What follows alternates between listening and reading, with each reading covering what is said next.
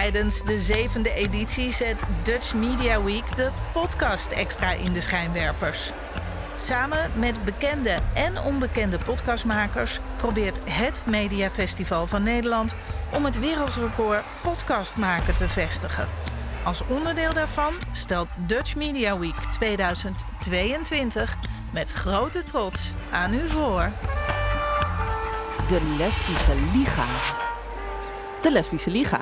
Ik herhaal, de Lesbische Liga. Dat is absoluut waar. Uh, ja, Vera Hier wordt dus een uh, poging, of een wereldrecordpoging gedaan, podcast maken. Maar ik vraag me af, een soort de babbel, de Lesbiebox vraagt zich af.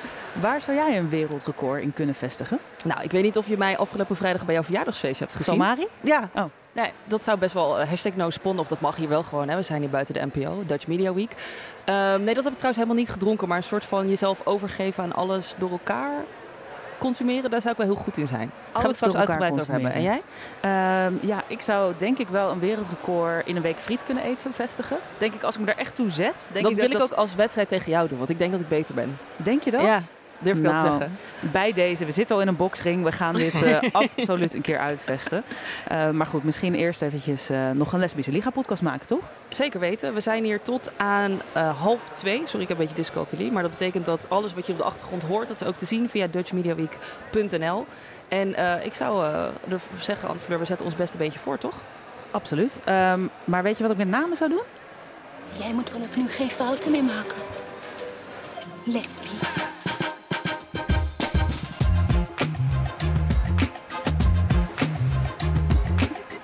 Lesbische Liga. Podcast. Ja, hartstikke leuk dat je luistert en nu ook kijkt naar deze speciale en one-of-a-kind aflevering van de Lesbische Liga podcast. Ik durf wel te zeggen, het grootste clubhuis in Nederland voor alle vrouwen die op vrouwen vallen, of je nou lesbi of er allemaal niet bent. Iedereen is welkom bij de Liga. mijn naam is Vera. En ik ben Anne Fleur. Ja, en wij hebben vaker live evenementen georganiseerd waarbij er soms wel 600 gillende queer vrouwen in een zaal zaten. Strings vlogen door de lucht bij haat knalden. Ik weet niet, stichting beeld en geluid. Laat je horen. Nou, uh, misschien kunnen we zo wat strings rapen. Ik hoop het. Uh, het is in principe ook gewoon een woensdagmiddag in Hilversum. Dus mogelijkerwijs ben je hier per ongeluk terechtgekomen voor de mensen die hier om ons heen zitten. In dat geval, wij vergoeden helaas geen therapie na afloop. Ja, zullen we wel vertellen wat we wel gaan doen? Want normaal gesproken maken we dus de podcast De Lesbische Liga. En daar duiken we heel uitgebreid een film in, bespreken die na en kijken een beetje ja, welke stereotypes nou goed kloppen. Maar ook waar de makers ons helemaal verkeerd hebben ingeschat. Welke kleding we dragen, hoe we zogenaamd zouden flirten. Je zou kunnen zeggen dat we ons daarbij regelmatig voordoen als lesbische scheidsrechters. Oh, wat, wat grappig dat je dat zegt. Heel toevallig heb ik hier ook een rode en een gele kaart liggen. Nou, het zal wel puur toeval zijn. Uh, we gaan dat deze aflevering doen. We gaan lekker fluiten, lekker lesbisch scheidsrechteren. Uh, en dat doen we uh, ook niet helemaal alleen, toch? Toch? Toch? Ja, dat klopt. Hallo. wil je jezelf introduceren of wil je dat wij dat even doen? Oh, doe het alsjeblieft voor mij. Ze is um, al te horen geweest in het allereerste seizoen van de Lesbische ja. Liga, een day one. En um, ja, je bent een fantastische scenarist, bedenker van Anne Plus, een icoon op het gebied van representatie. Wij zijn schatplichtig, want we hebben jou al enorm vaak geraadpleegd over de serie, over de film Anne Plus. Wereldwijd inmiddels te zien. Zal ik nog Zeker. een keer Anne Plus noemen? Geef ja, een warm applaus. icoon, dat vind ik ook wel leuk. Icoon, een icon. De iconische Maud Wiemeijer. Woe! Kijk, dit is applaus. Harder! Is dat nou een heerlijk. Oh nee. Gay Rights. Ally. Kijk, dit is allemaal voor jou, Mout. En uh, natuurlijk duiken we ook nog het lesbiaanse in de inbox. We tippen een nieuwe toevoeging in de muziekrubriek. En dat gaan we gewoon gezellig met z'n allen doen, toch? Absoluut. Uh, en uh, ja, voor al deze luisteraars die er in grote getalen bij zijn, de mensen die thuis luisteren of kijken. jullie weten het al. Je voelt het misschien al aankomen aan je kleine poppenwater. het is tijd voor de administratie. Ja. Dat was hem, hè? Dat was ja. hem. Je hoorde een heel speels fluitje. En uh, dat is namelijk zo... Oh. wow, dit, dit kan je echt de hele tijd ja. gaan doen. Um, nee, wij krijgen natuurlijk heel veel DM's binnen. En Mout, we hebben aangekondigd dat we ook hier met jou zouden zitten. Oh, ja. Nou, uh, Instagram uh, vloog er bijna uit op dat moment. Snap ik. Wij krijgen veel uh, berichten van jouw ex. Nee, we kregen heel veel berichten binnen. Vragen aan jou ook en aan ons allemaal. Um, dus bemoei je er lekker mee. Hè? Laat, uh, laat, dat heerlijke brein nou ook werken op deze vragen. Ik ga beginnen met Sharon, of Sharon. Sharon, weet ik veel. Uh, zij zegt, lieve Liga, Sinds 2020 ben ik trouwe fan van jullie. Ik heb elke aflevering zeker drie keer geluisterd. Speels, poppen en escandalo zitten nu standaard in mijn vocabulaire tussen mij en mijn vrienden. Als dank wil ik jullie graag zelf een dilemma voorleggen. Geen Tina of Jenny, maar liever een week lang op een lesbische cruise waar je exen ook zijn. Of liever jullie exen een keer uitnodigen als gast in de podcast. Escandalo, liefst van Sharon. Mout, wat zou jij kiezen? Eh, een cruise lijkt me echt verschrikkelijk. Ik zou absoluut al mijn exen in de podcast zetten. Oh, je exen. Ja, al mijn Nou, exen. oké. Zoveel zijn 20 het er niet plus? hoor. Ja, hoeveel microfoons zetten we klaar? Is dit Doe genoeg, zeg maar, over. wat deze tafel hier is? Nee, nee. Nee, oké. Maar waar- waarom lijkt een cruise zo vreselijk dan? Is toch Je leuk? kan niet ontsnappen. Je zit midden op het water. Je kan niet weg. Het is wel een hele Sorry, is grote dat, boot. is dat niet genoeg? Nou, is toch misschien ook leuk dat je weet, weet ik veel, juist Nee. omdat je samen Nee. bent, dat je tot nieuwe inzichten kan komen. Vreselijk. Heerlijk buffetvoedsel, Ik moet ergens naartoe kunnen vluchten. schuimparties. Nee. Nee, je kan me niet overhalen. Nee, je kan me niet Nee, overhalen. ik merk het al. Ja. En ik hoor dat jij heel graag op een cruise wil. Je, Nee, ma- je lijkt maakt natuurlijk al een Ja, podcast met je ex, toch? Dus dan is er voor jou weinig te kiezen. Precies, dit voelt, het is voor mij elke keer een soort van EMDR-therapie als ik met jou praat. Maar nee, het is... ehm, eh, ik zou... Wat kut. dit. Dit is echt walgelijk, zeg.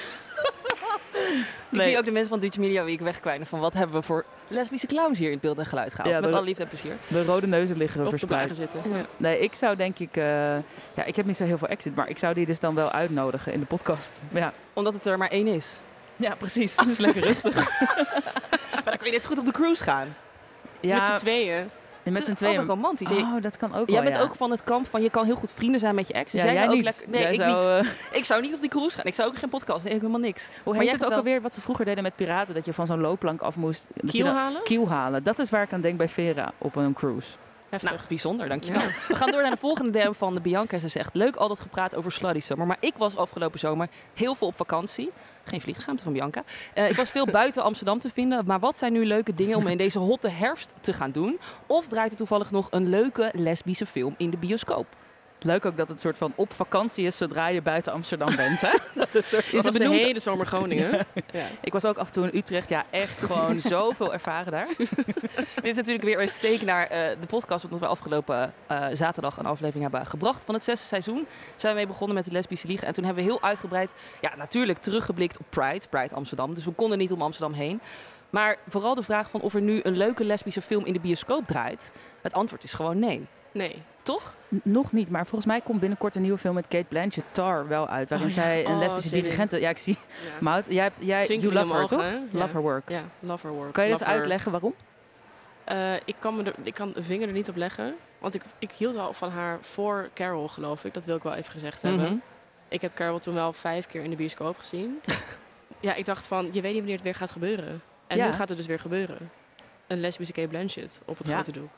Maar Ehm, wat vind je ervan dat ze ook die natte droom van heel veel mensen, waaronder die van jou, zeg maar, steeds waarmaakt? Door nu zo'n karakter te gaan, te gaan spelen? eh, ik snap dat helemaal. Ik denk, weet je, ze verdient er de geld mee. Go her, weet je. Pakken staan Uitmelken gewoon heel goed. Ja, pakken staan er goed. Ze weet het zelf. En wat weten we al over deze film? Lesbische dirigent? Ik heb nog geen idee. Ik heb verder ook geen idee. Dit is ook het enige wat ik heb onthouden. Ja. Maar ja, heb jij haar nou een keer live gezien? Heb ik dat bedacht? Ja, ik heb er echt in een verschrikkelijke voorstelling live gezien in Londen. We gingen daar speciaal naartoe met mijn beste vriendin. En het was echt vers- verschrikkelijk. Want het was heel, gewoon een Gewoon slecht hele- stuk. Of was zij slecht slecht? stuk. Nee, nee, nee. Ho. Oh, Oh. excuus. Nee. Ik neem het terug. Ja. nee, het stuk was gewoon heel slecht. Heel teleurstellend. Maar weet je, we hebben wel Kate Blanchett van dichtbij gezien. En ben je dan ook nog bij de artiestenuitgang eventjes staan wachten? Om heel eerlijk te zijn, hebben we het heel even gedaan. Maar het was het gewoon niet waard. We dachten, die gaan niet naar buiten komen. Nee. Nou, sad. Nee. Ja, je hebt het ook geprobeerd hè, bij Jodie Comer, Anne Fleur. Ja, ik heb na, na Prima Facie inderdaad in Londen. Heb Oh, ik ook ja. eventjes bij... Maar zij kwam elke keer naar buiten natuurlijk. Dus daar stond op een gegeven Totdat jij moment... er... ja. Totdat jij kwam. Ja, iets met een gebiedsverbod. Maar goed. Het is een soort van slagerij van kampen. Gewoon non-stop dit, eh, deze drumbeat. Ehm, ja, nee, ik heb er wel eventjes gestaan. Maar ik, ik, niet in de massa. Maar je hebt er wel gezien, toch? Ja, Je hebt er naar buiten zien komen. ja, maar echt van heel ver. Ik heb er met name langs zien rijden in de taxi. Vet. Oei. En ik voelde meteen dat er een connectie tussen ons was. Snap dus ik, ja. ehm, ja, daar you. hoef je ook niet voor te schamen, weet je. Ze kwam vrij snel naar buiten. Ik heb gewoon stilzwijgend naast die vriendin met wie ik naar het toneelstuk was, wat wel heel goed was, Mm. gezeten. Nog even een biertje gedronken. En toen was daar Jodie Comer. Geweldig. Ja, precies Zo je makkelijk aan het gaan. Mooi om te horen. Goed antwoord ook van Bianca. Die zegt, is er iets te doen? Nou, jullie zijn er eh, allemaal Oh voorstellingen ja, dat was de geweest. vraag. Dit rijdt geen film en succes met deze hotte herfst. Nee, maar op, op Netflix staat dus wel Do Revenge. Wat een leuke, Binnenkort in Liga ook. ja, horen. wat een leuke eh, queer film is, lesbi film is. En verder, eh, Ja, er staat van alles op de streamers, weet je. Maar wat, Ja. wat zijn leuke activiteiten? Het wordt weer de winter. Gaan we weer zeggen dat, dat het heel lesbisch is om te gaan schaatsen? Dat iedereen gaat schaatsen? Dat had jij vorig jaar toch heel sterk aan de Ja. Dat je iedereen nou met een echt, beetje bi tegenkwam op, Ja, op de ijsbaan. echt de hele ijsbaan die smolt bijna van al die lesbisch die er gewoon overheen aan het, aan het schaatsen waren. Ik was met mijn vader daar continu aan het schaatsen. Hij dacht ook, oh mijn god, is er hier een conventie? Mag ik hier wel komen? Toen zei ik, het is oké, je bent met mij, weet je wel, dan ben je veilig. Ehm, maar het was eh, eh, schaatsen inderdaad, maar het is misschien nog een beetje vroeg. Ik vind het dus, ik zie opeens heel veel lesbiennes eh, van die, ehm Bolderen. eh, nou ja, dat gebeurt al een tijd. Zeker. Maar van die bijlen gooien naar hout. Oh, Dat is zo'n Houthakken nieuwe activiteit. Met Nee. foto's van hetero's erop, of niet? Nee, ja, met, precies, ja. Nee, met Paul Verhoeven erop. Nee, en met... ehm, het, dat is dan zo'n een soort eh bullseye bord. En dan kan je van die hakpijlen naar gooien als een activiteit. om alle interne frustratie... eh Ja, en dan kan je ook lekker die, die houthakkersblouse aandoen. Maar Dus zegt denk niet dat- iets meer daar, over jou? geen reden voor, daar hebben we geen reden voor nodig Ja. hoor. Dat is waar. Het staat altijd goed. Maar ik dacht misschien nu in thema. Maar goed, dat zou mijn tip zijn. Of karten. Dat vind ik ook erg een heel lesbische herfstactiviteit. Absoluut. dus Bianca, heel veel succes hiermee. Lekker karten, doei doei. Wij worden gesponsord door Groupon of Oh ja. Ik weet niet wat het is, maar... Oké, eh, Mickey. Mickey stuurt dit bericht gericht aan Mout Wiemeijer. Oh. Mout. Ja. Als je een Nederlandse L-woord mocht maken en dus echt even GTST soapachtig zoals die show ook echt is, wie zou je casten als hoofdpersonages? En wat is dan een scène uit het origineel dat je heel graag na zou maken? Ik denk dat ze hiermee ook bedoelt het echt originele L-woord. Niet Ja, de old school. eh, ja. ja. Wie ik zou casten? Ga je nu doen alsof je daar nog nooit over mag, na hè? hebt? Nou, ik heb er ook internationaal. echt nooit over nagedacht. Ik, ik denk graag dat Anne Plus daar een poging toe is geweest, misschien. Ik zou sowieso Hanna weer casten. Want, toch? Lesbian icon. Mhm, Zeker. En welke... welke scène? Er zijn zoveel pareltjes zitten er in die serie. Ik zit even te denken. Ik denk met name, ik kan één scène heel goed herinneren. Dat is de, de belscène van Alice als ze erachter komt dat Shane Oh ja, en dat Jenny dat iedereen gaat met elkaar naar bed zijn geweest. Ja, of, of eh, eh, Tina die in het café zo die tafel omgooit omdat Oh, bed, ja. bed vreemd is gegaan. Die vind ik ook super. En, dan heeft ze zo'n poncho aan. Ja, geweldig. Maar oké, maar Hanna, en dan met welke? Je mag alles kiezen, hè? Jodie Comer mag ook. Ze kan een wil, ze heeft me net Comer gebeld. mag ook. Internationaal. Kies, ik Precies kies er uit de kast vier. gekomen. Gefeliciteerd, kom erin. Oh my god, eh, Jodie Comer. Ehm, Elliot Page zou ik heel vet vinden. Ehm, Emma Corrin. Ik noem gewoon... Ja, nee, je mag wat. door. Ze, ze kunnen en willen allemaal. Ja, fijn. Oh, wat, wat heerlijk. Die Ja, vrijheid. Daar gaan we. Manager oh, ik zojuist helemaal, helemaal niet gewend. Wat fijn.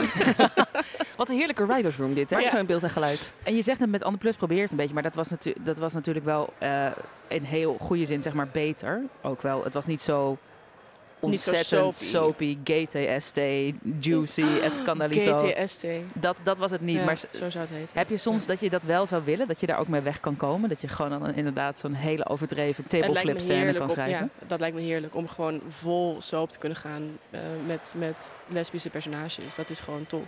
Ik vind dat, dat we in elk genre gerepresenteerd moeten worden. Ook in de soap. Wat vind je dat, dat goed gaan bij bijvoorbeeld de L-Word Generation Q, die we dan nu kunnen streamen, nu kunnen kijken? Er zit wel genoeg, er zit wel veel escandalo, intrige in. En soms dat je ook denkt, ja, maar dit kan toch niet? Ja, er zit, ja, maar ik vind daar wel een soort van balans tussen totaal belachelijke dingen en enig, enigszins diepgang zitten. Dus dat, vind, dat, heb, dat hebben ze wel goed gedaan, vind Ja. ik. Ja, enigszins diepgang, een beetje net als deze podcast, toch? Ja, Mooi. Klinkt Ja, als hoe ik mezelf je? omschrijf. maar wel met de nadruk op enigszins. Ja. Uh, Pleun stuurt als echte experts en prijswinnende podcastmakers. Wat is eigenlijk jullie favoriete podcast? XOX. Type ze. Hmm. Type mensen dat nog? Wat grappig. XOX. Eh, nou, van mij, ik hou eh, natuurlijk van de Mediameiden. Ja. Eh, ook, ik hou heel erg van de podcast In de Ban van Rian. Over die gekke Die scammer nep-expert. Ja, IT. dat is Oh. fascinerend. Dat is heel erg leuk. En die podcast over Dolly Parton, die is al een tijdje oud. Die is al Ja. twee jaar oud Oh of zo, maar die is ook fantastisch. Ja. Jullie? Dolly Parton's America, toch? Ja. Ja, voor mij is het ook echt de mediameiden. Ik ben daar, denk ik, een half jaar... Nee, nog niet eens. Zo lang, hoe lang bestaan ze? Een jaar? Vijf jaar geleden? Een paar maanden geleden ingestapt, helemaal gebinged. En eh, dat is alles wat ik nu luister eigenlijk. Ik denk ook de hele tijd nu aan Nikki Plessen die haar pistolet uitholt. Ja, Door dus de Mediameiden. Fantastische podcast voor alle podcastluisteraars Dat hier aanwezig. achtervolgt ze echt, dat Ja. denk ik. Dat vind ik heel erg goed. En inderdaad, soms van die eh waar gebeurde verhalen die dan net even wat smeugen worden gemaakt. De Missing Crypto Queen heb ik een keer geluisterd. Mm. Dat is ook zo'n vrouw van een pyramid scheme. En dat ben je aan het luisteren. En dan vind ik het fantastisch gemaakt dat ik ook het veel leuker vind om het te luisteren dan het daadwerkelijk te zien. Sorry misschien dat ik nu het verkeerde gezelschap zeg. Maar daar kan ik wel heel erg van genieten. En dus, nou, Media mij al drie keer gezegd, toch? Mooie podcast. Speels. Speels. Even kijken, anoniempje. We, we krijgen ook natuurlijk vaak vragen van anoniempjes. En ehm, dat is ook heel erg welkom. Dus Ja? als je dit luistert en denkt, eh, ik wil ook wel wat vragen, maar ik wil misschien niet meteen met voor- en achternaam, adres en eh co-star naam eh, bekend worden gemaakt. Grocer chart. Co-star chart. Dan kan dat Oeh, ook gewoon. Schroom niet, ja. dat respecteren wij. Eh anoniempje, dit anoniempje vraagt, hoi meiden. Ik hou zoveel van de Liga, maar ik volg het wel nog vanaf dit anonieme account. Ik ben steeds meer bezig met uit de kast komen, maar het gaat nog niet heel makkelijk. Ik ben steeds bang dat mijn vrienden me raar gaan vinden of een beetje vies. Ik voel me steeds best wel in de war. Daarom vroeg ik me af, wat is iets waar jullie tijdens of voor je coming out misschien heel erg tegenop keken, maar achteraf wel heel anders was? Blijf please voor altijd doorgaan, liefst anoniempje. Oh, lief. Jeetje. Ik denk, dat hebben we vaker benoemd in de Liga. Mijn grootste angst, toen ik het bij mezelf ontdekte, vermoeden, er ook heel bang voor was, was dat met name mijn vrouwelijke vriendinnen, dat een groot deel gewoon dan heel subtiel en langzaam afstand van me zou nemen. Dat Ja. was echt een angst. En ik weet nog goed dat toen ik het vertelde, dat eigenlijk al mijn vriendinnen die zeiden, waarom heb je dit niet gezegd? Waarom dacht je echt dat wij daarom geen vrienden met je zouden willen zijn? En toen dacht ik wel, oh, dan had ik het eerder kunnen zeggen. Ehm, Ja. Dus dat viel mij wel heel erg mee. En ik, wat ik zelf het lastigst vond aan het proces van uit de kast komen is dat je dat dan bijvoorbeeld in de verdere kringen met familie, verjaardagen of een soort van bekenden, dat er dan, eh, ik had altijd het idee van, oh mijn moeder heeft dat wel een beetje gezegd, toch? Ik hoef niet steeds uit de Oh, kast ja. te komen. En ik weet nog bij mijn allereerste vriendinnetje was ik een keer op een verjaardag en toen zei iemand anders, oh is die vriendin van jou echt een lekker wijf? En toen moest ik dus gaan zeggen van, dat is mijn vriendin. Oh. En die andere, die geloofde dat niet. En dat is echt, dat vond ik heel ongemakkelijk. Maar verder, Ja. Qua vrienden viel het mij dus heel erg mee. Daar ben ik heel blij Ja, mee. dat, valt, dat is iets waar je heel erg tegen op kan zien, maar echt inderdaad meevalt. Ik was ook bang dat mijn wereld veel kleiner zou worden. Dat inderdaad mensen weg zouden gaan en dat ik opeens tot een bepaald hokje zou behoren. Maar mijn wereld werd alleen maar groter. Gewoon die hele queer scene die je erbij krijgt, dat is zo'n verrijking juist van je leven. Dus dat vond ik alleen maar heel fijn om te merken. Want hoe oud was jij als ik vragen mag toen je een Ehm, echte, voor nou, het ik- eerst... Ik wist het wel toen ik 14 was. En toen heb ik gedacht, dat is een probleem voor later. En toen ben ik op mijn negentiende uit de kast gekomen. Want toen kon ik er echt niet meer omheen. En wie was de eerste tegen wie je het zei? Eh, een vriendin van mijn studie. Ja, die zei gewoon, ik zei gewoon van, ik vind, ik vind een meisje leuk. Ze zei, oh, oké, wat leuk. En toen gingen we naar college. Eh, Wat een meevaller, toch? Ja, echt zo meevallen. Inderdaad, Ja. Het is bijna saai.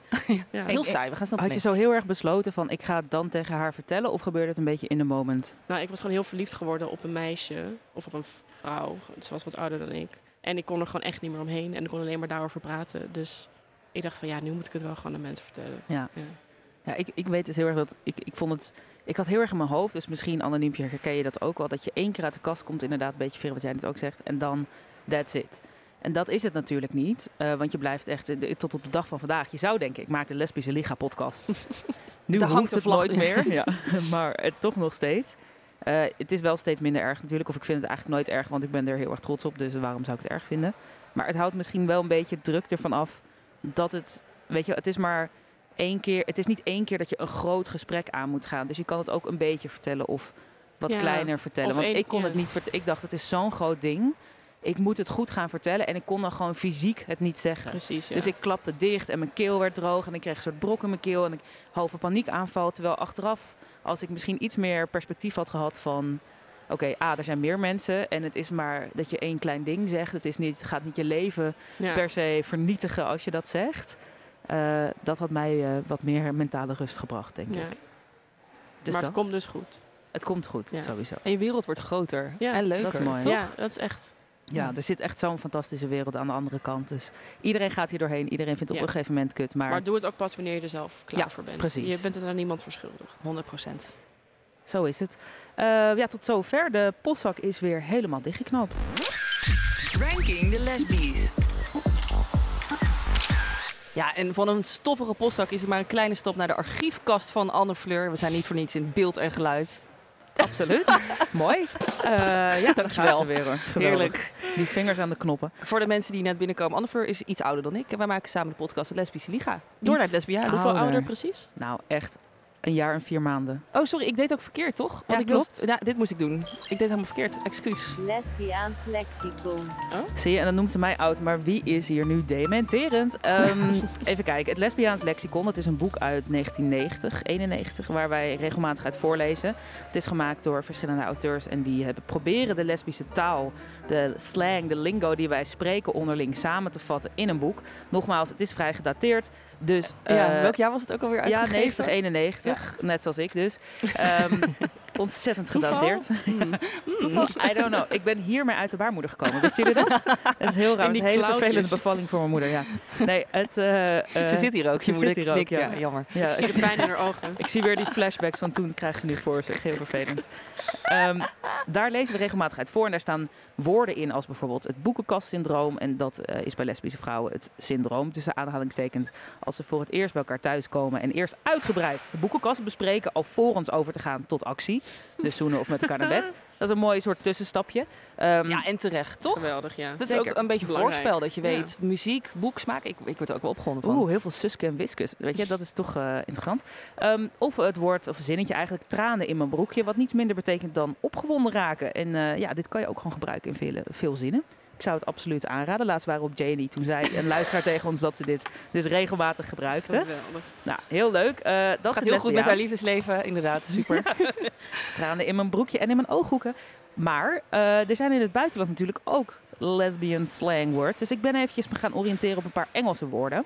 Eh, en de eerste is beersexual. Wat denken jullie dat dat is? Beer sexual. Ja, beersexual. Ja, want Ehm, met bier zou ik eerst aan mannen denken. ja, maar het gaat precies. dus om de drank. het de- of- Het gaat om oh, de ja. alcoholische versnapering. Ik denk dat je alleen maar kan bonden met iemand als je bier drinkt. Ja, dat Correct. is eh, someone who will only engage in lesbian activities when under the influence of alcohol. Ik ben zo'n expert. Ja. Ongelooflijk. Dit Dit was expert. als het lesbiaans lexicon. Ja, ook met dit? Ja. ja. Anders ik Dit een was Ook weer ongelooflijk. Ik ben altijd dronken als ik deze podcast neem. Anders wil ik er Wij niet lachen, over maar- praten. Oké, de volgende is doppelbanger. ik wil dat? zeggen dat je het met een tweeling doet. Oh, Nee? huh? dat is toch gewoon ook gewoon incest?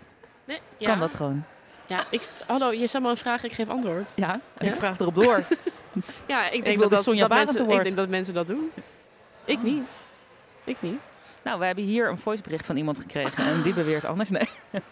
Doppelbanger is someone who is attracted to people who look just like them. Oh. Oh, dus de Nou, ik vond mijne best logisch. Ja. Van, want het zijn ook twee mensen die op elkaar lijken. Ja, is ook Waar je zo. dan mee Wil je punten hiervoor? Dan mag het hoor. Nou ja, het was fijn geweest, maar goed. Let's move on. Eh, het woord daikon. Daikon, iemand die een icon is en ook een dike. Er staat hier alleen als omschrijving Mout Wiemeyer. Heel gek. Ehm, Oh ja, maar het klopt helemaal. Ja. En dan nog het laatste, lesbian manicure. Oh, dat weet ik. Nou, Moet ik dat, moet ik Gaan we dat nu in midden in beeld en geluid met al deze Absoluut. mensen? Een, een lesbian manicure is eh, dat je al je nagels hebt gedaan behalve de twee waarmee je een vrouw vingert. Want dat zou pijn doen anders. 10 punten. Jij krijgt de Birkenstock thuis Yes. opgestuurd. Ehm, ja, dit was het. Ik dacht toch ook leuk eventjes over de grens heen kijken. Dus bij deze een beetje Engelse lesbians. Ja, dankjewel. Ik had het nooit willen missen. Ranking the Lesbies. Ja, nu wel goed, excuus. Eh, als ware scheidsrechters gaan we even door wat hoogte- en dieptepunten van de queer scene met jullie, ook de mensen hier bij Beeld en Geluid, eh, door. Dat doen we door het uitdelen van Ellen. In de podcast geven wij een film of een serie 1 tot 5 Ellen. Nou, ik hoef je niet uit te leggen dat 1 zeer negatief is en 5 positief. Een soort 101 lesbie eigenlijk, toch? Klopt, dat doen we. En eh, we hebben nu natuurlijk, omdat we aan het scheidsrechters zijn, ook eh, wat kaarten bij ons. Rode en gele kaarten. Voor als het echt, echt nodig is, De toch? kleine, de kleine poppenspuigaatjes begint te lopen. Dus Ehm, doen we dan Ellen of doen we gewoon kaarten? Misschien is kaarten makkelijker in het scheidsrechter, eh, scheidsrechtersconcept. Ja, we hebben nu heel veel concepten in een concept. Dus Ja. dan doen we ja, gewoon... ik vocht ook niet meer. Zullen we gewoon vergeten wat ik net zei en dat we rood en geel uitdelen? Precies. En dan eh, staat rood voor, dit is hele slechte representatie. Dit willen wij nooit meer zien. De vriendelijke teringgroeten. En geel staat voor, dit is hartstikke goed. De- zo werkt voetbal ook, toch? Dit is Precies zo. toch precies hoe Ja. voetbal werkt? Ja. Ja, nou, bij ons werkt het zo in elk geval. Dus voor de duidelijkheid, rood is slecht, geel is goed. Ehm, ja, en Mout als eregast. Eh, ik zou eigenlijk wel graag met jou willen beginnen. Oh, Wat is een moment wat je een gele kaart wil geven, dus wat je heel erg leuk vindt uit de popcultuur op het gebied van lesbi, bi, queer representatie? Ik ben helemaal kwijt wat ik nou allemaal... We gaan even anders gewoon luisteren naar een fragment. Dan mag je daarna een mening geven. Oh, dat is goed. I can't believe how wrong I was. I mean, I should have embraced lesbians years ago. They love women, and I'm a fabulous one. I mean, it just makes perfect sense. Have you ever considered being with a woman? I like men. So, no, I've never considered it. Have you ever considered like why you like men? I don't understand that question. In my day, there were two options. You liked one or you liked the other. I mean, why do some people like jazz? Some people like classical. You just like what you like. Not every queer person feels like they arrive into existence with an attraction to like a specific kind of person, and that's okay too. Your sexuality isn't a choice, but whether or not you examine it, I think is. Wauw. Ja, we Wat een luisteren wisdom. hier. Ja, precies. Naar een, eh, een stukje uit de serie Hacks. Ja. Ehm, ik geef dit zeker een gele kaart. Het gaat over, moet ik heel kort even uitleggen waar ja, het of over lang, gaat? wat je wil. Want het gaat over een... eh, ja, ja, ja. Ze staan, ik, eh, ja. Heeft iedereen het gezien? Gele Even voor de kaart? mensen die het alleen luisteren. Wij houden nu geel omhoog. Geel. Geel. Unieke beelden. Geel.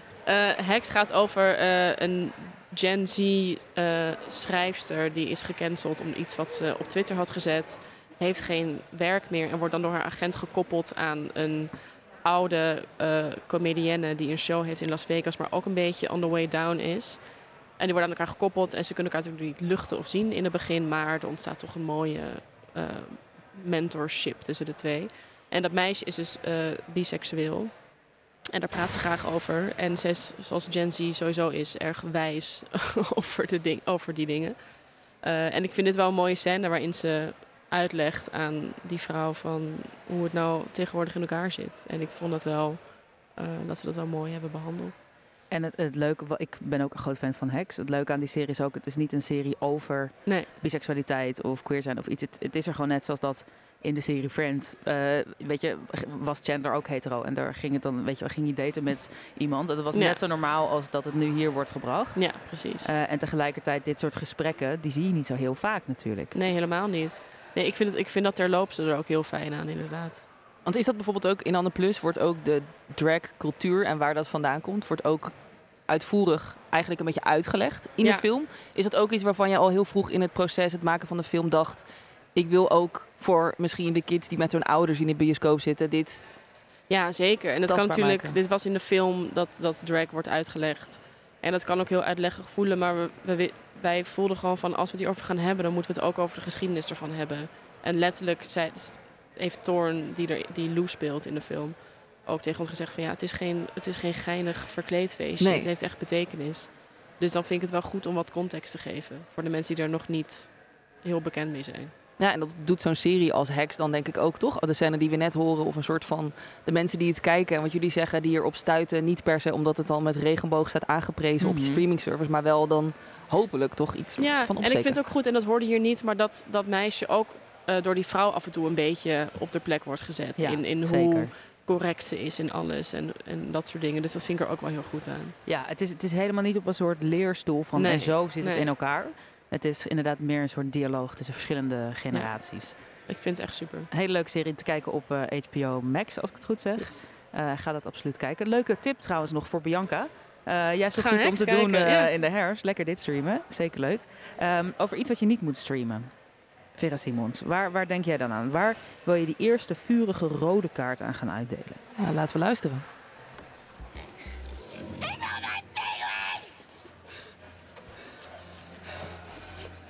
Jij moet vanaf nu geen fouten meer maken. Lesbie. Heel kort, maar krachtig.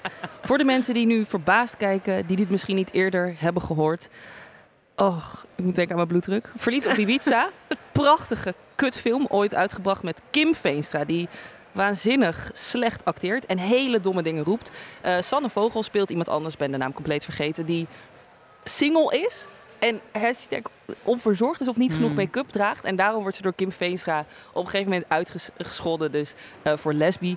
Dat is onze leader ook geworden van de Lesbische Liga. Omdat we hier... Ik word er nog steeds heel kwaad om. Ik kan nog jaren later nog steeds denken... waarom de fuck heb je dit ooit erin willen zetten? En dat echt niet. Nou, ik ben wel een lesbische Wanneer is die film überhaupt uitgebracht eigenlijk? Ja, rond volgens mij, dit is een gok hoor, maar rond 2009 of zo. 2011. Maar we- we- weet je wat het gewoon is? Kijk, ik persoonlijk, als ik bijvoorbeeld op het account van de Liga zit of voor mezelf, ik tag Kim Veenstra ook heel vaak. Als mensen ja. iets zeggen en dan zeg ik, oh, wat vind je ervan? Of weet je wel, ik probeer nog steeds van haar reactie te krijgen. Een soort van haar antwoord op eh, dit. 2013. is 2013? het. Ja. Oh, wow. Dat is toch echt maar schandalig? Kim Veenstra, dit moeten we, want dit is interessant om met Maarten te bespreken. Want, oh, trouwens, rood. eh, eh, ja, Ja, absoluut rood. rood, mocht het nog niet duidelijk zijn. Ja. Maar ehm, Kim Veenstra is natuurlijk alleen maar de actrice.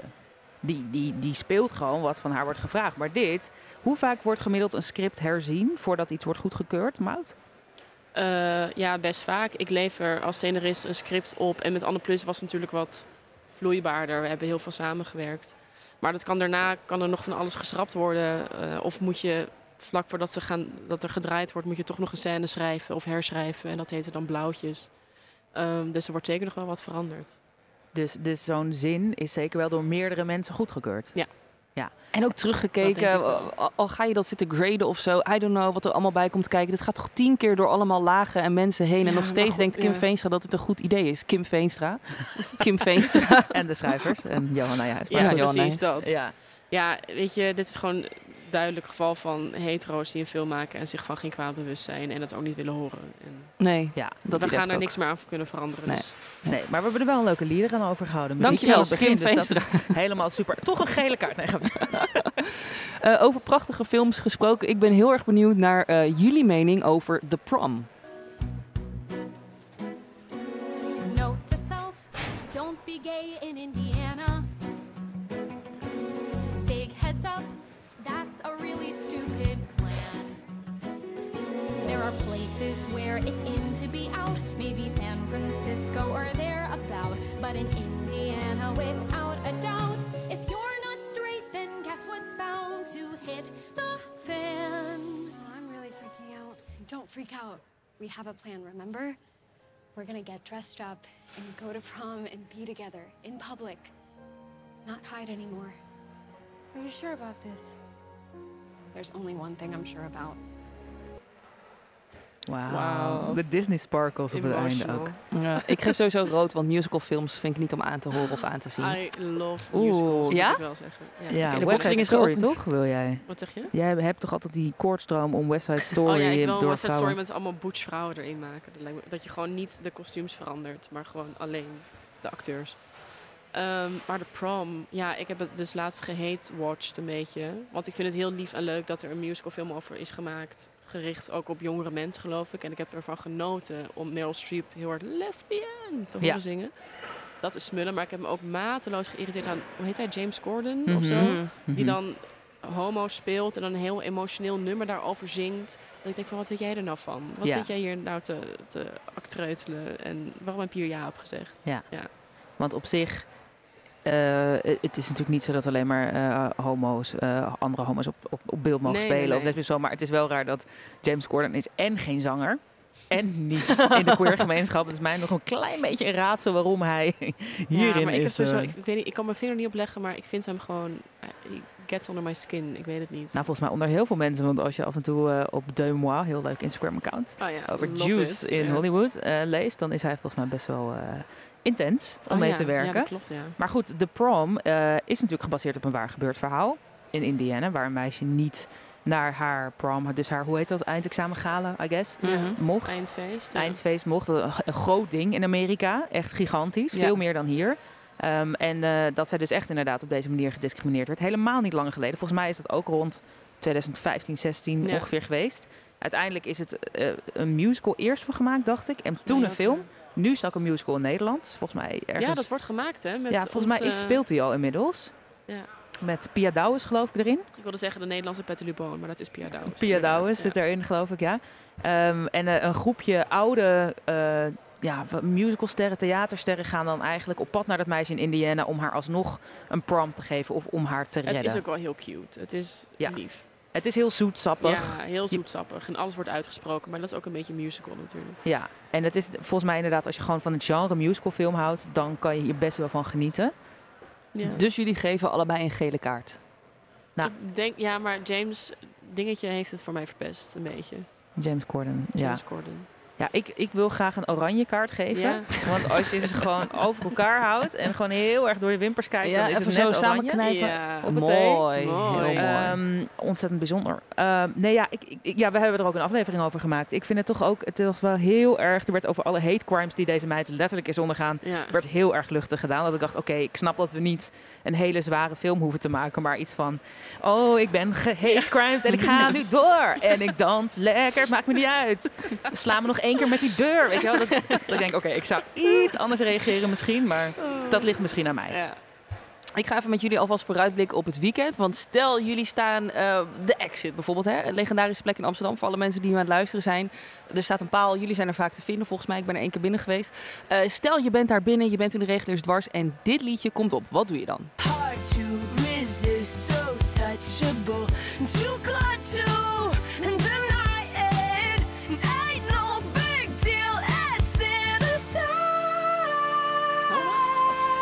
Mind it.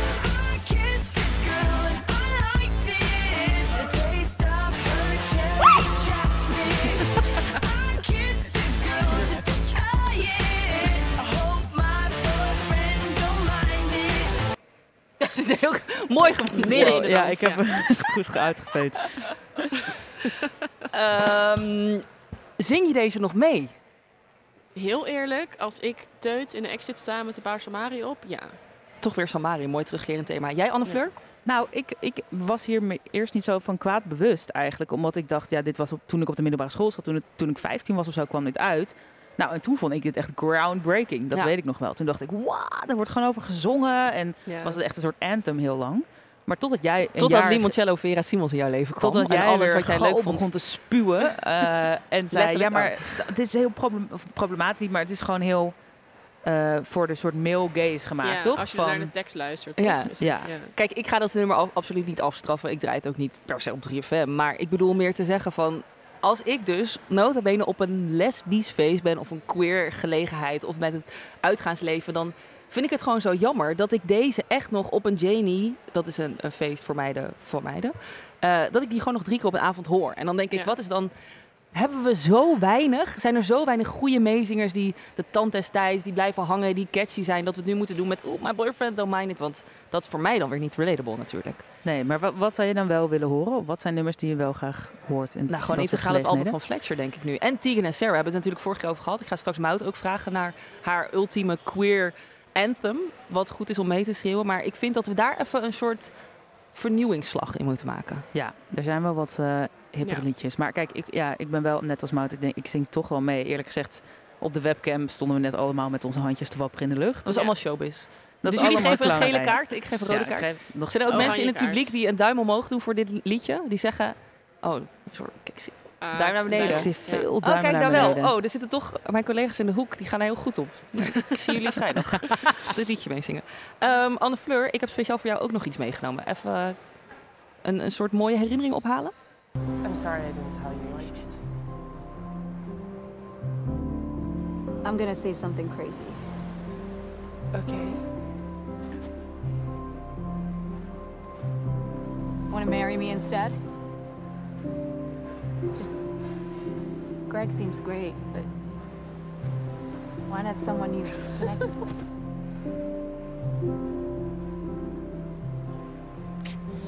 that a yes?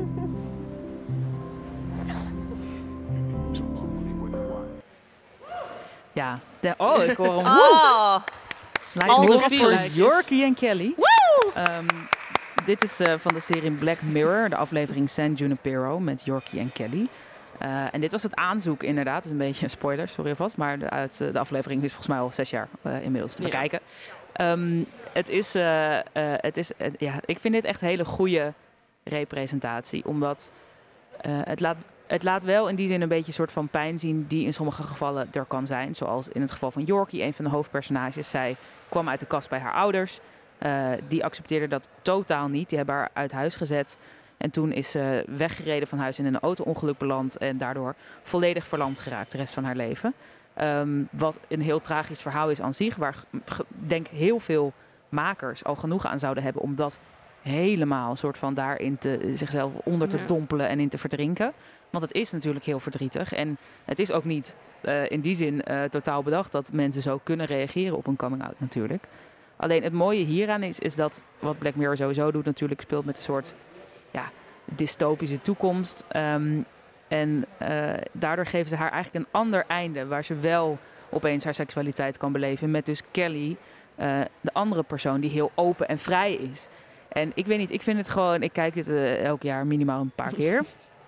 Omdat het gewoon heel hartverwarmend Gaat het? is. En een Ja. beetje. eh, Traantje. gewoon een beetje. eh, ja, ik weet niet. eh. Ze heeft een poster thuis van hangen. Ik heb een poster thuis van hangen. Ja. Ik- nee, maar het is gewoon mooi. Het is lief. Het is niet eh, alleen maar een soort van trauma uitbuiten. En dat vind ik vaak bij representatie. Daar Ja. wordt, is nog wel eens een handje van. Absoluut. Dat het is van Trauma hier zit er pijn en hier gaan we helemaal in. En eh, dat vind ik zo knap gedaan aan, aan deze aflevering. Dat het iets zwaars ook mooi en lief kan maken. Ja.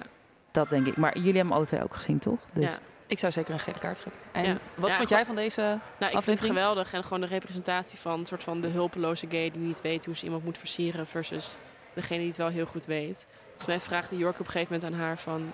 Will you help me here? En dat zij gewoon zegt, oké, you want to get in my car? Ja. en dan gaan ze er vandoor. En dat is gewoon super. Hoe is jouw dat eerste de versierpoging gegaan? Als toen je uit de kast kwam en dacht... Je had het over een vrouw waar je een oogje op had. Was het dat, dat ook het eh doel? Ja, zij was ook gewoon een hele erge flirt. En ik ging daar gewoon helemaal in mee. Ik dacht, let's go. Dus jij hebt ik eigenlijk weet niet zoveel of te ik doen? Het, ik, nee, toen, ik, ben, ik heb niet... Ik weet het niet eens meer. Het is lang geleden. Ik, eh, ik heb het achter me gelaten. Maar überhaupt, ehm, versieren als, als lesbienne, er wordt vaak over ons gezegd... wordt ook vaak in kostuumdrama's uitgebeeld. Dat wij veel met beelden, eh, met blikken werken. Ja, nou, dat vind ik op zich wel. Maar ik idee dat iedereen dat doet. Ja, dat je gewoon oogcontact maakt met iemand aan de andere Ja. kant van de kroeg, van de club. En mijn tactiek was altijd een beetje van oogcontact houden en naar iemand toe lopen en zeggen: Jij bent leuk, wil je wat drinken? En dan is, is de Ja. kous af, zeg maar. Maar dat, volgens mij, is die vervolgstap waar heel veel lesbische bi-queer vrouwen niet zo goed in zijn. Ja. Volgens mij, daarom, daarom wordt, want ik kan me niet voorstellen dat heteroseksuele mensen geen oogcontact maken. Ja, ze gaan Ja, is ook zo. Die lopen Oh, met een soort bent blinddoek zo op. Zo van, fucking hot. Die grijpen alleen maar. ik voel een energie. En die energie, nee, dat, dat, denk ik niet. Maar eh, het is misschien wel zo dat we wat langer dan blijven afwachten. Misschien of de ander niet het initiatief gaat nemen. Nou ja, en om gewoon even te checken van... Val, val Ben ook, je- ook ja. een vrouw? Val je ook een vrouw? Om dat een beetje aan te voelen, denk ik, in de energie. Was het eigenlijk bij jou zo? Want we hebben het nu een beetje terloops over uitgaansgelegenheden. De, dat is natuurlijk ja, de plek waar je heen gaat als je wil onderzoeken. Ehm, ben jij meteen, zodra je uit de kast was eh, gekomen, ben je toen volop daarin gedoken om naar elke kroeg, elk feestje, elke borrel te gaan? Ja, eigenlijk wel. Ik kwam een beetje... Een goede vriend van mij, Jules, die was toen ook nog niet heel lang uit de kast. En wij hebben elkaar gewoon toen helemaal gevonden in net uit de kast zijn en naar elk feestje willen. Dus wij stonden gewoon drie, vier keer per week in de exit in Amsterdam. Zondag naar de Trut in Amsterdam. dus wij hebben het gewoon helemaal uitgespeeld toen. En ik had toen ook nog niet heel veel vrouwelijke vriendinnen gewoon, zeg maar, die lesbisch waren. Dus het was een beetje Jules en me against the world. Ja. Ja. En eh, vond je dat meteen leuk? Want ik, we hebben het er ook vaker over gehad. Ik vond het best wel Ik vond het intimiderend. doodeng.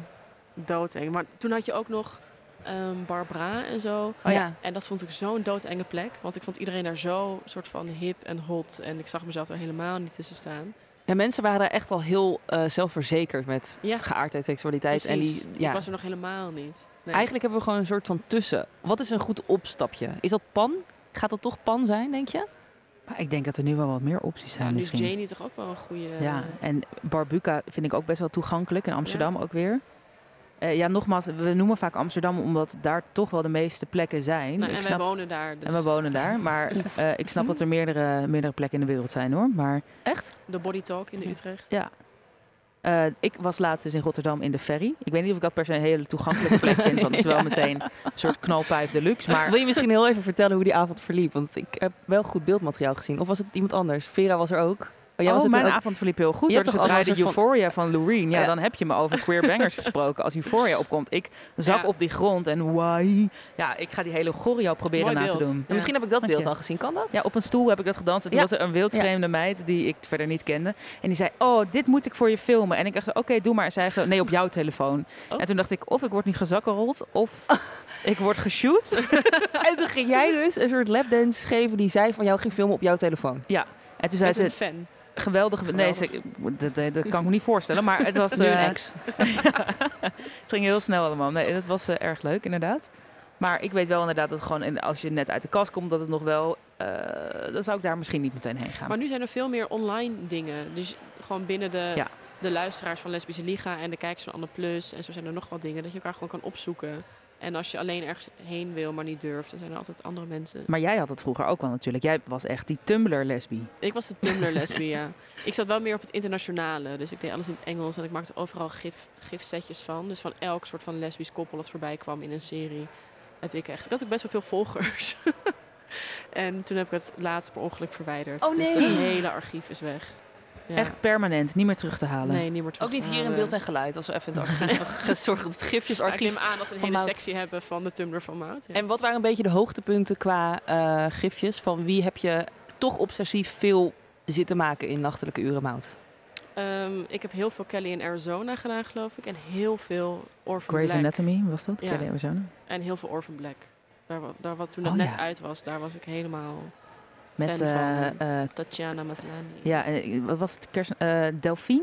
En ja, Cosima? Delphine en Cosima, ja.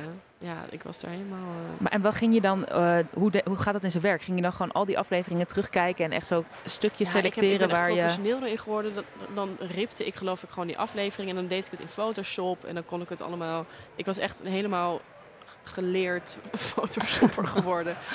Eh, maar nu zou ik niet meer weten hoe dat allemaal moet. Maar dat lijkt me toch ook een compliment dat mensen nu ook echt Anne Plus fanpages hebben. Dat daar dat ook stil is. Dat daar ja. ook... We hebben ooit nog een Tumblr aangemaakt, geloof ik. En ik zag dat mensen dus echt, zoals ik toen ook deed, gifsteetjes gingen maken van al die Anne Plus stelletjes. En dat was soort van al mijn hoogst haalbare Ja. doel.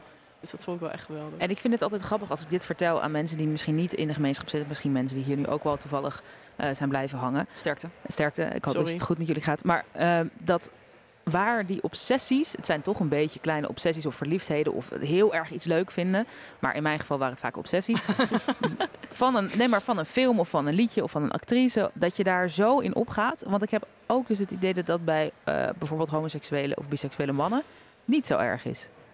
Wat Ja, is het toch? Nou ja, ik heb niet vaak gehoord dat er veel Tumblr gays waren die dan eindeloos gifjes gingen maken van acteurs die ze hot vonden. Ja, of wat ik nu interessant vind, wat er nu gebeurt met bijvoorbeeld Jodie Comer, die zo wordt bestookt, aangevallen, gestolkt ook wel. Ja. Door eh, vrouwen die hopen dat zij in ieder geval niet helemaal hetero is. Dat vind ik wel echt heftig hoor. Ja, bij haar heftig. is het wel echt op zo'n niveau dat ze gewoon eh, qua privacy en dingen dat het. Ze is helemaal van, van Twitter afgegaan. Ja. En, eh, ja. En ze heeft laatst dus ook allemaal iets van 40 posts verwijderd waar heel veel zij en Sandra Oh samen op Ja, staan. hè? ze heeft alles van Killing Eve. Jodie Comer speelt de hoofdrol in Killing Eve. trouwens. Eh, ze heeft alles van Killing Eve verwijderd. Ja. Ja. Maar ik denk dat het toch denk ik dat het te maken heeft met de backlash van het laatste seizoen. Ja, Oh, daar ga ik het zo misschien meteen over hebben, ja. Maar vind je, dat, dat, is, dat vind ik dan zo'n voorbeeld. Jij vertelde dit aan mij en toen zei je ook van dat je dan een beetje bijna schaamt dat, dat de vrouwen zo gek gaan. Ja. Ik zit te denken of er een soort voorbeeld is van ergens in de mannen of buiten vrouwen om in een queer scene waar dit zo heftig gebeurt. Soms Ja, denk ik van wij voetbal.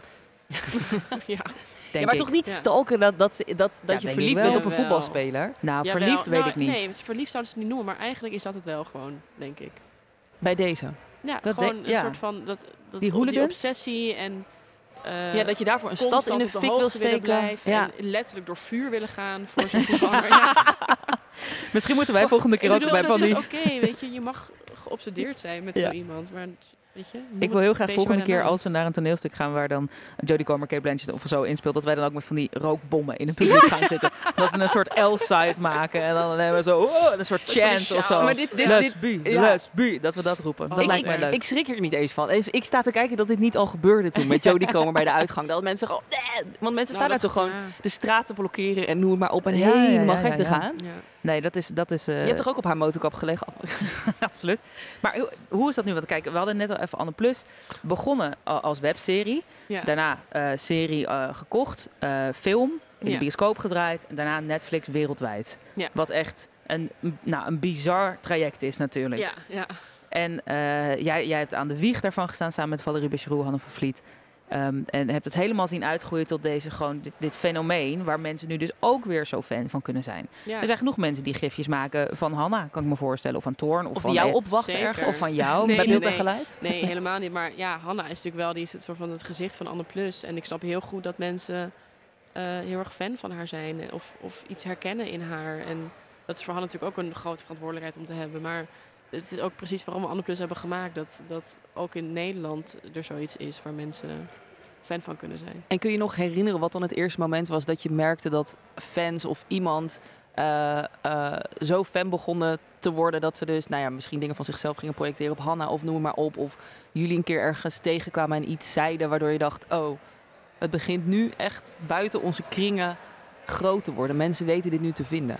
Ja, god, ik weet wel dat op een gegeven moment ehm, hebben ze hebben een paar fans zo'n groep gemaakt, de tandenborstels. En er zijn, daar zijn heel veel appgroepen van gemaakt waarin ze elkaar kunnen ontmoeten en dat soort dingen. Toen dacht ik wel van, oh, dit is, dit is top, dit is een heel eigen leven gaan leiden. En nu kunnen ze elkaar allemaal opzoeken en dat ze dat onderling allemaal kunnen Ja, en ook heel doen. goed lesbisch georganiseerd met regio's en zo, begreep ik Ja, toch? Dat ze dat sick. helemaal... Ja, echt Dat is echt weer lesbische organisatietalent hoor. Maar we wisten altijd al met Anne Plus, daarom zijn we vanaf het begin, toen, toen het nog niet eens bestond, zijn we echt eh, het heel online heel erg eh, gaan promoten. Omdat we wisten, er zijn gewoon heel veel mensen op het internet die hier Mm. naar op zoek zijn. Mm. Want ik, ik was er daar een van, Valerie was er daar een van. Dus we moeten het gewoon online heel erg gaan pushen, zelfs voordat het er überhaupt bestond. En dat hebben we gedaan en daardoor hebben mensen ons ook kunnen vinden, denk ik. Maar voelt het alsnog alsof je, eh, ik zou bijna willen zeggen, een strijd moest leveren om ook buiten je eigen bubbel, om nou, de hetero mensen in de mediawereld dit duidelijk te maken? Want dat vind ik namelijk heel grappig. Dat is natuurlijk ook het punt wat we willen aankaarten met de lesbische liga.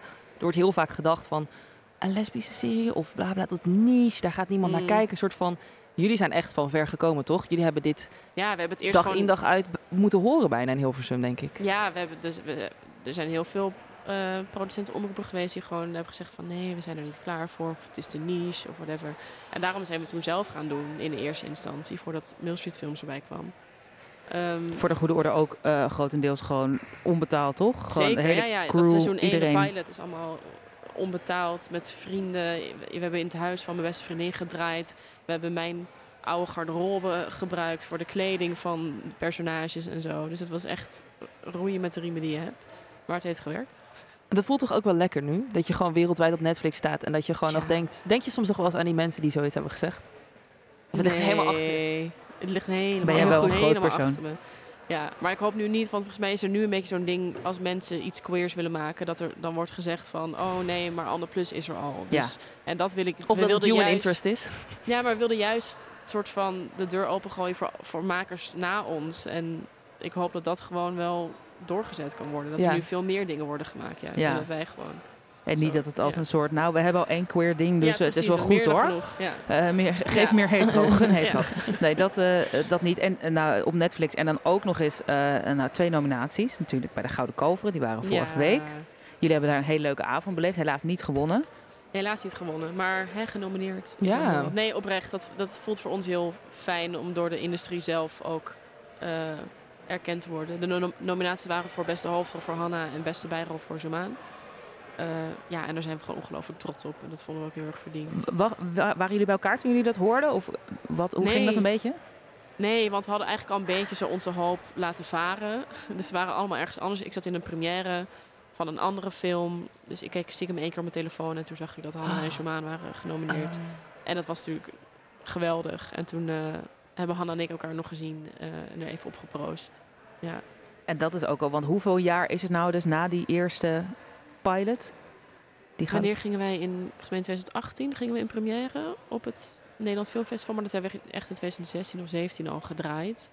Dus eh, het, het is een lange weg geweest. Ja, maar prachtige kroon. En eh, wat mij betreft hadden jullie eh, gewonnen. Want jullie hebben ook nog eens de deur geopend, denk ik, voor heel veel andere projecten die nou, hoop hopelijk het. nog gaan komen. NPO, als je luistert, commerciële omroep, als jullie luisteren. Eh, nou ja, Meer. want wel, want het, is, het laat juist zien dat het niet niche hoeft te zijn. Precies. Ja. Als Netflix wereldwijd denkt, leuk, hier, hier kunnen we wel wat mee. Ja. Dan lijkt me dat een vrij goed signaal dat het ook wel op de publieke omroep zou moeten kunnen. Of eh, Ja. bij een commerciële zender. Dat je geeft jonge queermakers de kans om hun verhaal te vertellen. Ja, en bijvoorbeeld een Princess Charming. Ik blijf het maar roepen de hele tijd. Iets eh, waar vrouwen die moet, met vrouwen daten. Zou ook heel erg leuk zijn, eh, Ja. denk ik. En net waren een beetje aan het dagdromen, aan het fantaseren over een gay TST. Maar eh, wij zagen op, op Instagram, had, waren jij, Valerie en Hanna met z'n drieën weer Oh, met iets nieuws bezig? bezig. Met Oh, iets ja. nieuws? Ja, ja, ja, zeker. Wat voor iets is dat dan? Of, Ja, ik weet niet of we daar nog nu al iets over kunnen zeggen. Maar ehm, het is een heteroseksueel voetbalprogramma. precies dat. Dat Wow. mist nog, hè? Lesbi Ja. Inside, toch? Ja, Ja. ja. Nee, nee, helemaal niet. Niks lesbisch. we sorry, zijn er ja. helemaal klaar mee. Gewoon Nee, normale mensen inside. Ja. Is het weer hartstikke queer. Dat kan ik er wel zeggen. Is het iets voor tv? Iets voor film? Een game? Een game, oh my god. ik zou heel graag voor een game willen schrijven. Dat lijkt me heel vet. Eh, eh, een film, zoals het er nu uitziet. Wat sick. Maar ik kan ja, het is echt nog helemaal aan de, begin, aan de beginselen. Dus, maar we zijn er wel echt heel enthousiast over. En we hebben er nu al heel veel lol in om aan te werken. Nou, eh, als, je, als je iets weet, als je wel iets mag vertellen, kom je dat dan bij ons eh, doen? Ja, natuurlijk. Gelukkig. Oké, heerlijk. Nou, dat is geweldig. Ehm, ja, over iets minder geweldig. Nee, sorry.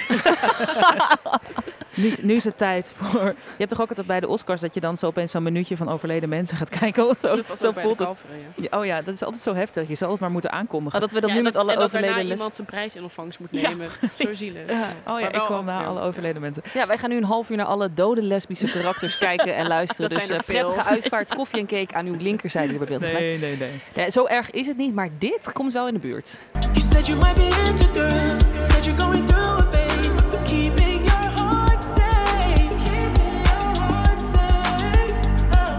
Well, baby, you can bring a friend. She can ride on top your face. While I fuck you straight. While I fuck you straight. Ik vind het, eh, we luisteren naar eh The Weeknd. Oh. Een artiest die veel gedraaid wordt. Die je echt kapot vaak op welk radiostation ter wereld voorbij hoort komen. Eh, ik weet eigenlijk niet uit mijn hoofd uit welk jaar deze 2019. track komt. Ja. En ik weet nog heel goed dat... eh, ik heb dit zelf niet willen draaien en ook verder geen statement van gemaakt. Maar ik heb gewoon gezegd, ik maak in mijn radioprogramma liever niet ruimte voor iemand die zegt... I'm a fuck you straight. Voor de duidelijkheid, eh The Weeknd heeft het daarover van... You might be into girls, maar hè, je hebt nog niet even goede... Ga één keer met mij naar bed en eh, hè, je bent even genezen. hetero. We kennen het allemaal wel. Ongelooflijk, hè? Die zelfverzekerdheid Ja. van Ja. hetero mannen. Dat ik denk, denk je dan ook ooit andersom? Van, oh, ik ben met haar naar bed geweest en nu is ze alleen maar met vrouwen? Zouden ze ik ook vraag me dat wel eens af van mijn allereerste vriendje. Hebben jullie dat nooit? Dat je denkt van hoe zou hij zich gevoeld hebben toen ik daarna uit... Nee, dat is een grapje. Dit is echt, Ah. dit is echt een grap. Sorry. Sorry. Eh, rode kaart voor mezelf. Maar wat ik wilde zeggen, mijn rode kaart gaat sowieso naar de weekend. Want ik weet nog dat dit nummer gewoon gedraaid werd. En dat eigenlijk niemand het opviel of iets van zei. Totdat, mijn lieve schat, sorry, daar ga ik weer. De Japanese House een keer langskwam bij 3FM, bij 3 voor 12 Radio. En zij zei gewoon tegen Eva Koreman van... Waarom wordt dit gedraaid? Waarom? Ik vind hier echt dit heel problematisch. Het raakt me, het stoort me en ik vind dat het eh, niet kan. Nou, als ik hier toch als scheidsrechter zit, dan zeg ik, ik sluit me daar volledig bij aan. Ehm, maar dit is natuurlijk een stap erger, hè, want dat ik net een beetje moeilijk zit te doen over Katy Perry van een soort male gaze. Dat is gewoon meer dat ik denk, ach, komt het weer op een lesbische avond voorbij? Ik heb het nu wel gehoord. Maar hierbij denk ik wel, ja, dit is gewoon ook zoiets wat door heel veel lagen, door heel veel mensen is gegaan. Want mensen als The Weeknd, die hebben 10.000 co-writers, co-producers nodig, omdat ze zelf niet zoveel talent hebben. Maar dan in ieder geval komt het zo op de radio en dan denk ik, en nou dit, ja. Eh hebben jullie nog iets aan toe te voegen? Nee, En ja, je hebt alles gezegd, denk ik. Ja, en het is ook gewoon, dit is precies wat, voor de mensen die dat misschien niet weten, dit is wat heel veel eh, lesbische, biseksuele, ook met name biseksuele vrouwen eh, te horen krijgen, mensen te horen krijgen. En dat is gewoon echt super dom als je dat in een songtekst gaat zeggen. En inderdaad, wat Maud zegt, hoeveel zelfvertrouwen heb je? Ja. Nee, bedankt. Maar ik, ik oprecht dat je dit dan ook op, lekker op een avond weer staat te performen. En een soort van die lyric Ja, weer loopt te schreeuwen van een stadion. niet. Het is, dat Nee, is gewoon echt die audacity die zo'n Ah. Ik dacht wel bij hem van, oh, huh? Ja? Ja, ik vond, wat ik, ja, ik hou ook een beetje van zijn nieuwere werk. Dacht ik wel van, oh ja, Blinding Light. En toen pas later ontdekte ik dit nummer. En toen dacht ik, oh, rip. uit mijn, uit mijn playlist. Allemaal verwijderd. Je moet helaas. gewoon al je vertrouwen verliezen in dat soort dingen. En dan valt het, dan valt het allemaal Hey, weer mee. Dat is een heel mooi advies van ons, van jullie. Gewoon nergens meer vertrouwen of plezier in hebben. Dan kan het alleen maar meevallen. Zou je dus op meteen op een tegeltje willen schrijven, Maat? Ja, dat. Over iets waar ik wel heel veel plezier in heb gehad. En dat is het eh, laatste fragment wat we graag willen laten horen. Ehm, dat gaat eh, over Killing Eve. En ik heb een heel klein stukje uitgekozen. Waarbij we daadwerkelijk iets van liefde mochten voelen in het laatste seizoen van Killing Eve tussen Villanelle en Eve Polastri. En dit zegt Villanelle dan over haar schat Eve. So why don't you move on then? Because that would ruin everything. So what do you want from her? I want to smell her skin.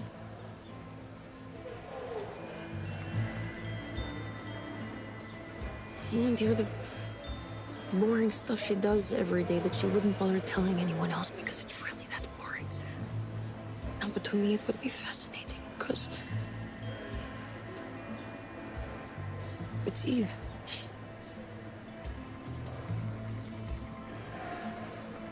Ah, because in our bones we understand each other.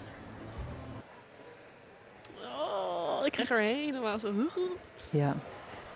Ja. Jij bent ook een grote eh, fan, toch, Maat? Ja, zeker. Ik heb het echt met heel veel plezier eh, gekeken de afgelopen seizoenen. Maar het is daarom extra jammer dat het zo heeft moeten eindigen. Ja, want ze hebben ons, dit was ook in het laatste vierde seizoen dus, eh, eh, Killing Eve, ooit eh eerste seizoen, alleen als ik het goed zeg, geschreven door Phoebe Waller-Bridge. Ja. Een, eh, eh, een absolute legende, kan je ook kennen van Fleabag. Ehm, en eh, dat eerste seizoen was fenomenaal. Echt, echt een meesterwerk. Echt fenomenaal. Ehm, en ook iets, ja, volgens mij proberen ze het ook soms hier en daar na te maken, maar dat kan bijna niet. Het is echt Mm. eh, alsof je de nachtwacht probeert na te maken. Want eh, eh, het personage, ja, Yves is geweldig, maar met name Villanelle, Ja. dat is gewoon een rol die je helemaal niet vaak ziet, hè? Nee, nee, dat vind ik gewoon zo geweldig dat het een vrouwenrol is die, die nou ja, eigenlijk een soort psychopaat is. Maar dat mag er ook zijn. ik wil niet zeggen dat mag er ook zijn.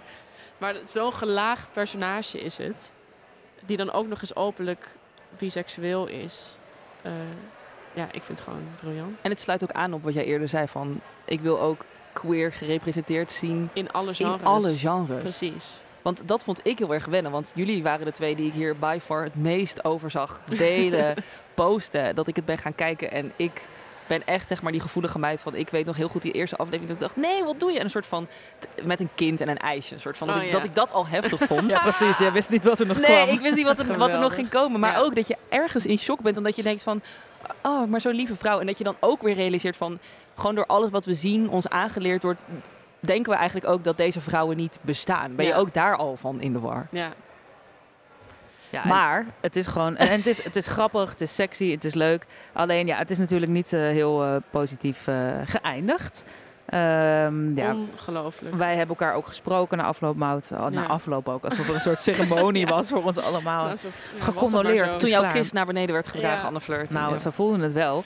Maar er was natuurlijk, eh, daar hebben we het al vaker over gehad, een soort ja, uproar in de hele gemeenschap wereldwijd. Van hè? Ja. Met alles wat je kon doen. Want ook, er is één iemand en die heeft alle momenten dat Yves en Villanelle daadwerkelijk bij elkaar zijn, heeft ze samengevoegd tot één groot masterdocument. In het hele vierde seizoen zijn dat in totaal maar 44 minuten. Ja. Een, een aflevering is een uur ongeveer. Ja. En er zijn er, als ik goed zeg, acht Ja. of negen waren er.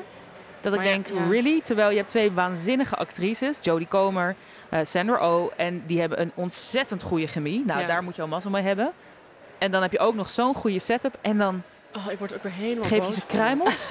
Maar dat weet Als een soort ja. eend geef je ze kruimels. Nou ja, het erg is dat, ze- dat ze ons hebben gegeven wat we wilden in de laatste aflevering. Om Mm. vervolgens 15 minuten later, ja, ik ga het gewoon zeggen, want iedereen moet het nu maar gezien hebben, denk ik. Om vervolgens 15 minuten later Villanelle te laten verdrinken. Te, te laten sterven in de armen van Eve, zeg maar. Terwijl Pijnlijk, tragisch. Niet eens in haar armen. Nee, Nee. Zo, maar zo begint het. Ja. Ze Terwijl we net, neergeknald in die net armen. hebben gekregen wat we wilden. En dan voor de sake of drama het meteen weer afnemen. Want ik snap mensen die zeggen ook van... Ja, maar Villanelle, dat zij was eigenlijk de villain. Zij vermoordde mensen. Natuurlijk moest zij doodgaan. Snap ik ook. Wat mij betreft waren ze allebei doodgegaan. Maar niet Ja, 15 minuten nadat ze, ja, nadat ze eindelijk... wat ja. Plus, ik vind het een hele saaie keuze om de villain aan het einde dood te laten gaan. Nou, dat is precies, gewoon dit zo wilde ik vragen. Want dat is toch bijna mag je dat niet doen als, als scriptschrijver, als bedenker, als maker Het is van. gewoon heel, een hele saaie keuze. En toen En ging je dood, einde. Ja, en van ja, het voelt logisch in de wereld van Killing Eve. Ja, niks is logisch in die wereld. Nee, dat hebben we wel gezien, ja. toch, de afgelopen seizoenen? Ja, Ja. er Deze zijn vrouw- zoveel heftige dingen Villanelle gebeurd. is al bijna 80 keer vermoord en elke keer was het weer Ja, nee, maar dat, maar weer. dat, Dus dat zij zoveel mensen kan vermoorden, maar dan haar liefde vinden is dan een stap te ver. Weet je wel? Dat, Oh. dat, dat kan echt niet. Dat kan echt niet door de beugel. En ook dat mensen helemaal gingen zeggen, want er, er was ook in die laatste aflevering een scène dat ze samen in een camper zaten. Nou, dan heb je Ja. mij dus echt helemaal... En ik de dacht, zij gaan een hond adopteren. Fantastisch. Ja. Een van de beste seizoenen die ik heb gezien Toch, in een serie. Dat, dat, dat vin- vinden wij ook. Hebben we het ook over gehad in de podcast. En toch kregen wij daar laatst een HDM op van iemand die zei... Door jullie ben ik Killing Eve gaan kijken. En ik dacht echt dat er een geil is. Een soort van... Ik kreeg alleen die kus. Terwijl ik vind dat een hele goede ik sexy vind het zoen. precies kloppen met hun Ja. karakters. Ja. Ik vond dat echt heel goed gedaan. En dat was ook een one-taker, hè? Ja, en ze hebben het zelf ingevuld. Zeg Ja. maar, het is niet geschreven van dan doet ze dit, dan doet ze dat. Gewoon het moment dat zij dat aanvoelde. Dat, daar denk Ja. ik gewoon de hele tijd aan. Moet je Ehm, eigenlijk zeg maar, clausules tekenen ehm, van wat eruit is gehaald als actrice of als acteur? Want ik vraag me steeds af, ik hoop steeds dat Jodie Comer ooit iets gaat zeggen over wat ze nou echt vond van dit laatste seizoen. Het zijn allemaal roddels, weet je wel. Maar mag je, mag je dat ooit doen of is dat gewoon carrière suicide als je dat... Ja, weet Iets negatiefs over zou mag je, zeggen. staat er in sommige contracten dat je wel je niet negatief mag uitlaten over de producent of zo. Maar ik weet niet, ik zou het niet weten, maar ik denk dat het, het is haar ook zo dierbaar geweest dat het is ook niet professioneel denk ik om Nee. te zeggen van ik haatte de laatste, het laatste seizoen. Op zich zei het feit dat ze helemaal niks erover posten Ja. best wel Ja, veel. precies. Maar Heel passief-agressief. Misschien als we jouw brein even mogen lenen. Als jij een einde voor ze had moeten bedenken. Hoe, en dan houden we vanaf nu allemaal collectief dat einde aan in ons hoofd en in ons hart. Hoe zou jij Villanelle en Yves laten eindigen? Ze komen uit die scène dat ze de 12 aan het slachten is. Nee, ja, Aan ja. het dansen. Ze komen boven op dat dek. En dan? Wat gebeurt er dan? Nou ja, ik had het überhaupt anders gedaan, denk ik. Want ik had ze gewoon in het begin van het seizoen samen laten komen. Als stel eigenlijk. Ze samen die 12 laten afslachten door het seizoen heen. Gewoon elke aflevering een ander lid of zo. En dan ja, toch aan het einde Telma Louise gedaan. En de Ja. afgrond ingereden samen, verliefd hand in hand, weet je wel. Gestikt in een Zo- krulvrietje. Ja, gestikt in een krulvrietje. Zoiets. Maar als je en nog dit- wel iets meer sexy time together Absoluut, tussendoor. precies. Ja, dat ja. je dan het hele seizoen voor. Dat is jouw gewoon- bijdrage ook weer, hoor. Sexy time. Viespeuk. Sexy time. Maar dan had je gewoon het hele seizoen gewoon die liefde kunnen zien tussen die twee. Wat voor kaart geven wij aan hoe Killing Eve is geëindigd? Rood. Hier, mag jij hem ook een Ja, keer maar zo- kunnen we dan ook nog... gewoon- Prominent. en dan een, een kaart aan eh Villanelle en Yves? Dit is gewoon omdat je Jodie Comer in de liga wil. Hey Jodie, if you're listening, I would never We give you a red work. card. Hey, amazing. Yellow card for you. Maar rood voor het einde. Maar ik vind het wel... Ja, ik, vo- het voelt altijd zo kut om als scenarist andere scenaristen af te kraken op Maar fuck Hill. Maar nee, dat ook niet. Want er, er, gaan, er gaan heel veel processen aan vooraf. En daarna... Aha. Maar ik vond het wel echt een heel jammer einde. Welke kaart voor Lauren Hill? Nee, ik ga, niet, ik ga dit niet op één Nee, nee, persoon, nee. op één scenarist afschrijven. Dat vind Nee, ik, nee, nee, dat is ook niet Want ik weet dat, het, dat er veel aan toe gaat achter de schermen. Mooi Heel gezegd. mooi. Mooie clausule getekend. eh. ik eh, denk, goede wedstrijd. Tijd voor de derde helft. De Lesbische Liga. Podcast. Vera, wat uniek. Eh, jij vult normaal gesproken onze playlist, de Lesbische Liga, de muziekrubriek op Spotify. Maar ik hoor dat je voor één keer hem uit handen gaat geven. Unieke beelden. U bent Oh ervan getuige. Ik kijk even naar onze gast, want op feesten en partijen zet jij blijkbaar altijd één hele specifieke banger aan. Welke en waarom? Ja. We gaan er even naar mogen luisteren.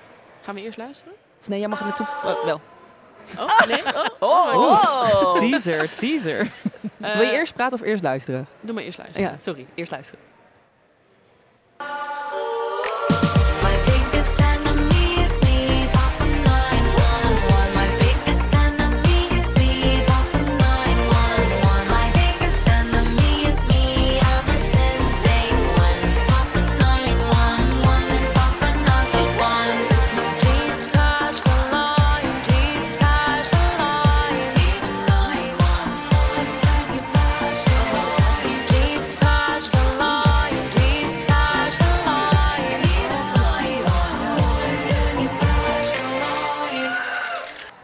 Mooi. Gemaakt door Anne Fleur. ik ben televisiemaker, hè? alles met audio is moeilijk voor mij. nee, nee, sorry. Ik bedoelde meer van eh, prachtig gedaan. Eh, gele kaart voor jou. Goed gedaan. Dankjewel hiervoor. Thanks. Eh, Lady Gaga hoorden we. Welk liedje hoorden we? Welke remix? Vertel me uit. Nee, dit is eh 911. Want jullie vroegen me inderdaad van wat is nou een queer banger. En ik dacht, ik wil met iets anders komen dan Alba of Cher of whatever. En toen moest ik hier aan denken, want dit zette... Ik ga het weer over Jules hebben. Eh Shout-out. Shout-out naar Sjoerd Keizer. Shout-out. Eh, dit zetten wij vaak op als we op een queer borrel of whatever staan. Ehm, en hier aan vooraf gaat een soort van introductie en dat heet Chromatica 2. En dat gaat dan heel langzaam over, of gaat het heel tof over op dat andere nummer. En waar we ook zijn, hoe druk het ook is, hoe erg iemand ook, iedereen ook in de feeststemming is, iedereen moet dan zijn bek houden. en dan luisteren naar die overgang en dan dat nummer luisteren. Daar we begint altijd jullie heel TED Talk. Ja, en dan begint onze TED Wat gezellig. Heel gezellig. Ja, klinkt heel Ja. gezellig. Ik heb wel zin om te gaan eh, luisteren. Binnenkort. Vrijdag gaan we uit, toch? Ja. ja. Oh, Dan doen we ben hem. ik uitgenodigd? Kippenvel, zeker. Ik heb er niks van gehoord. Nou, wat mooi dat we met z'n allen mee hebben gedaan aan deze recordpoging. Hoeveel uur zouden er eigenlijk nog gevuld moeten worden? Ik weet niet, het duurt tot en met eh, 9 oktober, als ik het goed zeg. En het is nu 5, dus eh, Oh nog my wel God. eventjes. Hoe vond jij het om deel te zijn van deze recordpoging? Heel bijzonder. Ja? Ja. Heel speels, zou ik bijna willen zeggen. Zou je nog iemand willen bedanken, de groeten willen doen in de paar minuten die we nog hebben? Eh Jodie Comer. Call me als je nog een goede lesbische hoofdrol wil spelen. In, in GTST. In GTST. Eh, dat. Mooi. Jij, Anne Fleur? Eh Jodie, nee, grapje. wij weer geobsedeerd. Wij net, nee, we zijn niet geobsedeerd. Nee, ik wil eh, graag iedereen de groeten doen. Ik wil ook de groetjes alvast doen. De vriendelijke groetjes aan Eline van Gils. Die is Ja. namelijk onze volgende gast in de Lesbische Liga. Zij speelt in Anne Plus. En wij gaan haar uitgebreid het hemd van het lijf eh, vragen. En onder andere de exit speelt ook weer een grote rol in hoe zij überhaupt ja, aan haar rol is gekomen in Anne Plus. Dat en meer juice van achter de schermen hoor je sowieso bij de Lesbische Liga. Ja. Vera, eh, aan wie ga jij de groeten doen? Nou ja, ik aan onszelf. Want het Oh, zesde mooi. seizoen is dus afgelopen zaterdag begonnen. Te vinden in je favoriete podcast-app. We hebben onze handen, onze speelse poppenhanden er druk mee. Het wordt weer echt een geweldig seizoen. Ik voel het aan alles. Het is heerlijk. Het wordt een hete herfst. En eh Maud mag jou ontzettend bedanken dat jij hier vandaag bij dit wereldrecord aanwezig wilde zijn. Bij ons. Maar mag ik ook nog bij de Lesbische Liga. doen? Nee. Oké. Oh, dan moet Ehm, ik dat ook doen. Wil je nog iemand een goed te doen? ja, als jij het doet, dan is het opeens lullig als wij het niet hebben gedaan. Ja, Snap je? precies. je kijkt naar de cam. Woe, I love it. Woe. Liefst, Annabel. Love you. Love you. Ilse. Oké, nou, eh, alle administratie is weer uit de weg. Heel mooi gewerkt allemaal. Ehm, bedankt aan de Dutch Media Week dat we hier ook eh, mochten meedoen. Ja, sowieso like en subscribe. Steun ons. Applaus voor jezelf.